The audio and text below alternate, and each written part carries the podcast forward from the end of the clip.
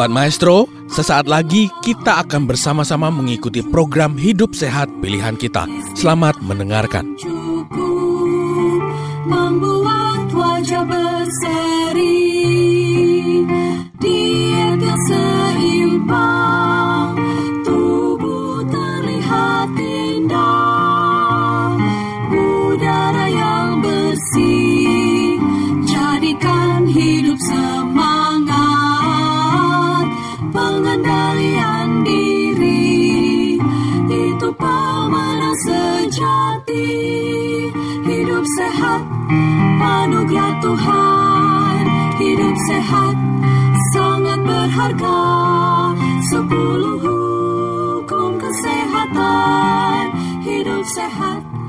Pilih Kan kita lihat apa sih faktor resiko penyakit jantung?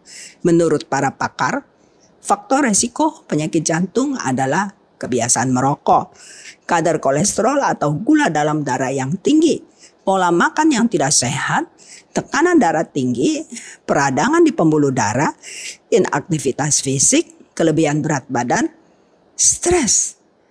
Dari faktor resiko ini, apa yang harus kita lakukan? Kita perhatikan faktor resiko, berarti meningkatkan resiko seseorang untuk menderita penyakit jantung. Apa yang harus kita lakukan? Kita bereskan penyebabnya. Misal kebiasaan merokok, ya jangan merokok. Misal kadar kolesterol dan gula dalam darah tinggi, kurangilah makan makanan yang tinggi kolesterol dan juga yang menyebabkan gula dalam darah tinggi. Penyebabnya misalnya pola makan yang tidak sehat, ubah jadi makan yang sehat. Misalnya kita kurang aktivitas fisik, mulailah berolahraga. Kalau misalnya kita kelebihan berat badan, mulai turunkan berat badan. Jika stres contohnya, manage stres. Jadi memang kita tidak bisa, yang tidak bisa kita kendalikan, kita harus bergantung pada obat. Kita bereskan dulu penyebabnya, bukan kita hilangkan gejalanya. Contoh, ini ada gambar, ada pohon, ada buahnya. Misal kita tidak mau pohon ini karena banyak ulat atau menghalangi jalan. Apa yang harus kita lakukan? Tebang? Betul. Tetapi pohon ini akan tumbuh lagi. Kemudian kita tebang lagi. Tumbuh lagi, tebang lagi. Sampai kapan? Dia akan tumbuh terus. Agar tidak tumbuh terus dan kita tidak perlu tebang terus, kita harus cabut akarnya. Demikianlah juga dengan penyakit. Jika kita hanya mengandalkan obat untuk menghilangkan gejalanya, penyebab penyakit kita tidak ditangani, maka kita tidak akan sembuh-sembuh karena kita hanya hilangkan gejala, bukan akar masalahnya. Jadi apa yang harus kita lakukan? Kita harus cabut akarnya agar selamanya tidak tumbuh. Jadi jika kita sakit, kita cari penyebabnya dan kita beresi. Contoh misalnya tingkat kolesterol atau trigliserid yang tinggi. Kita biasa hanya mengontrol tingkat level kolesterol trigliserid dengan obat. Kita tidak membereskan penyebabnya. Misalnya, kita suka makan daging hewani, tepung-tepung putih. Makanya orang itu minum obat seumur hidup. Jadi, apa yang harus kita lakukan? Cari penyebab penyakit. Kemudian cabut akar masalah dan penyakit itu tidak akan timbul lagi. Mudah bukan? Ini adalah percobaan yang diadakan oleh Dr. Caldwell Esselstyn Jr. Di sebelah kiri saudara adalah pembuluh darah arteri yang sudah tersumbat. Setelah 32 bulan dengan terapi makan plant-based, yaitu makanan hanya berbasis tumbuhan tanpa hewani dan tanpa obat penurun kolesterol menunjukkan peningkatan yang luar biasa. Pembuluh darah arteri yang sudah tersumbat, yang sudah tidak mulus lagi, tanpa obat penurun kolesterol, hanya dengan diet plant-based berbasis tumbuhan lancar kembali. Saya bukannya merekomendasikan Anda untuk stop obat Anda, bukan. Saya, anak, saya hanya menunjukkan bahwa dengan perubahan pola hidup bisa terjadi perbaikan di dalam tubuh kita yang luar biasa ini yang Tuhan ciptakan. Jika Anda sudah ubah pola hidup dan ada perbaikan tingkat kolesterol atau trigliserid misalnya, Anda tetap harus ke dokter untuk advis mengenai obat yang Anda minum. Apakah diturunkan dosisnya atau di stop. Nah, percobaan bagaimana penyakit jantung bisa dibalikkan. Ini diadakan oleh selain Dr. Caldwell Esselstyn Jr., tetapi juga dilakukan oleh Dr. Dean Orris, Dr. William Castelli, Dr. Colin Campbell. Mereka semua merekomendasikan whole foods, plant-based diet. Nah, ini Contoh, makan yang lengkap makanan alami nabati. Bukan hanya sayur dan buah-buahan, tetapi makan juga polong-polongan, kacang-kacangan atau nuts, bukan digoreng-goreng atau di oven. Dan juga kalau mau makan uh, grain, itu harus whole grain, yaitu yang uh, misalnya gandum, gandum utuh, beras, beras pecah kulit, dan makan juga biji-bijian. Dan semua makanan seimbang. Makanan alami sedikit diproses. Tidak makan hewani, tidak makan makanan pabrik, dan tidak makan gula proses. Nah, dikatakan oleh Dr. Caldwell Esselstyn Jr., beberapa orang berpikir dengan makanan nabati utuh adalah diet yang ekstrim. Setengah juta orang setiap tahun dibuka dadanya, diambil pembuluh vena dari kakinya, dan dijahit pada pembuluh darah arteri koroner. Berapa orang yang menganggapnya ekstrim? Memang kadang-kadang dunia uh, sudah terbalik.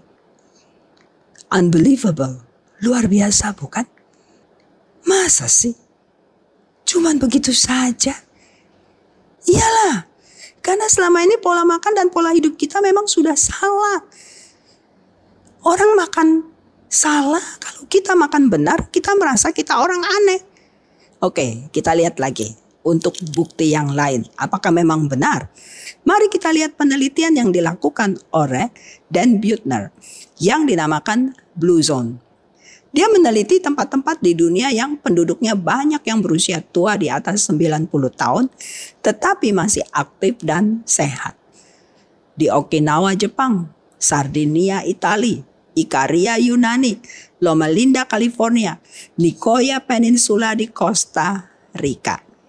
Nah, kalau kita perhatikan dari dari slide ini, mereka punya makanan hewani, ikan dan daging itu hanya sekitar rata-rata 5%. Dan makanan mereka terdiri dari makanan plant-based berbasis nabati. Mereka juga makan manis-manisnya sangat sedikit. Dan mereka sebagian besar makan tanaman. Ubi, kentang, nasi, polong-polongan, buah-buahan. Mereka banyak makan sayuran hijau. Dan ada yang minum susu, tapi tidak semua. Dan jika minum susu pun, susu sapi dan kambing yang mereka pelihara, bukan pabrikan. Beda dengan negara baju, biaya kesehatan tinggi tetapi penyakit juga tinggi. Biaya kesehatan mereka yang di Blue Zone sangat-sangat-sangat rendah. Tetapi sehat. Uang memang tidak bisa membeli kesehatan.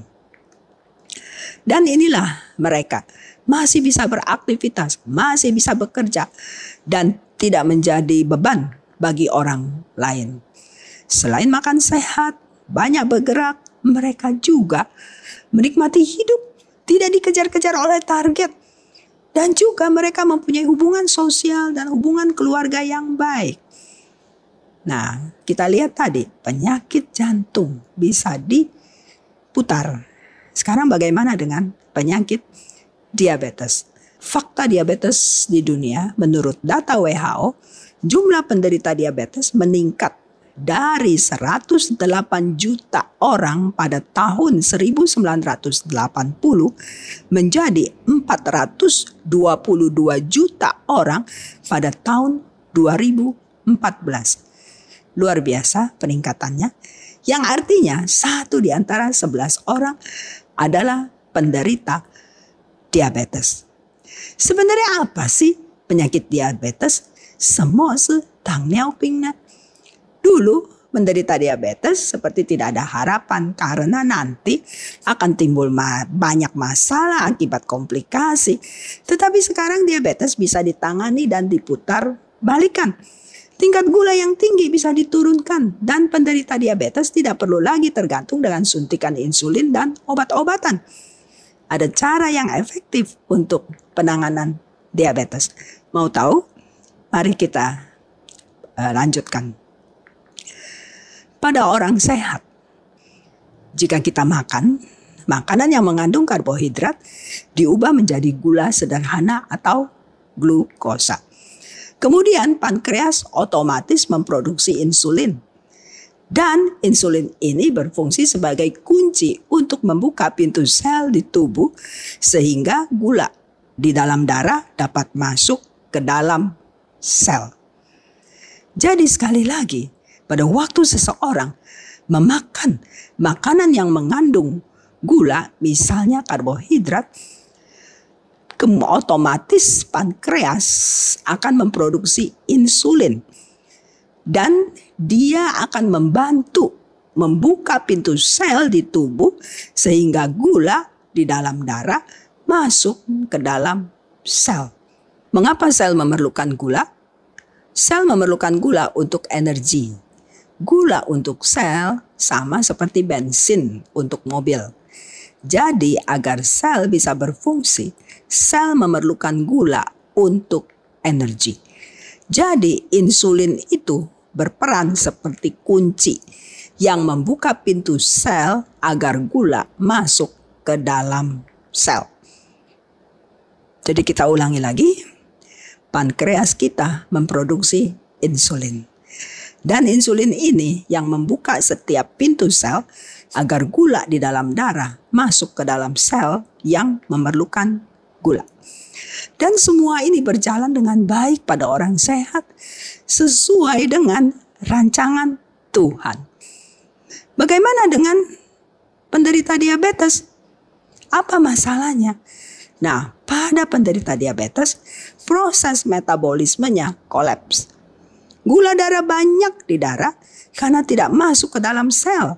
Saking banyaknya sehingga glukosa, gula darah yang berlebihan itu dilepaskan melalui urin.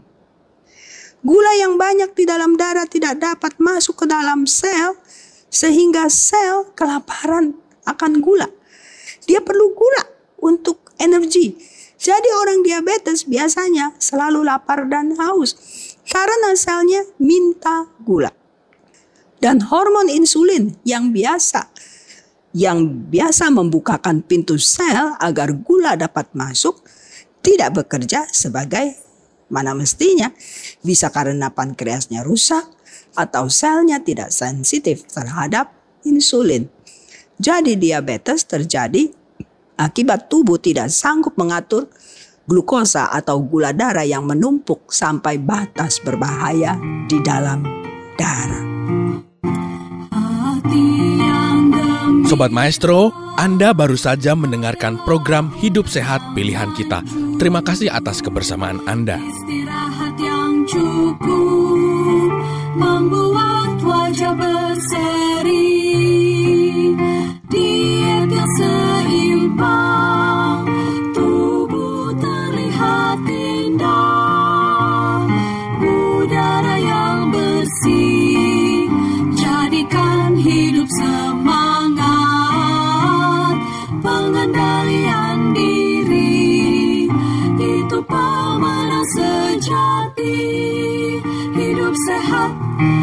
Anugerah Tuhan. Hidup sehat Sangat berharga. Sepuluh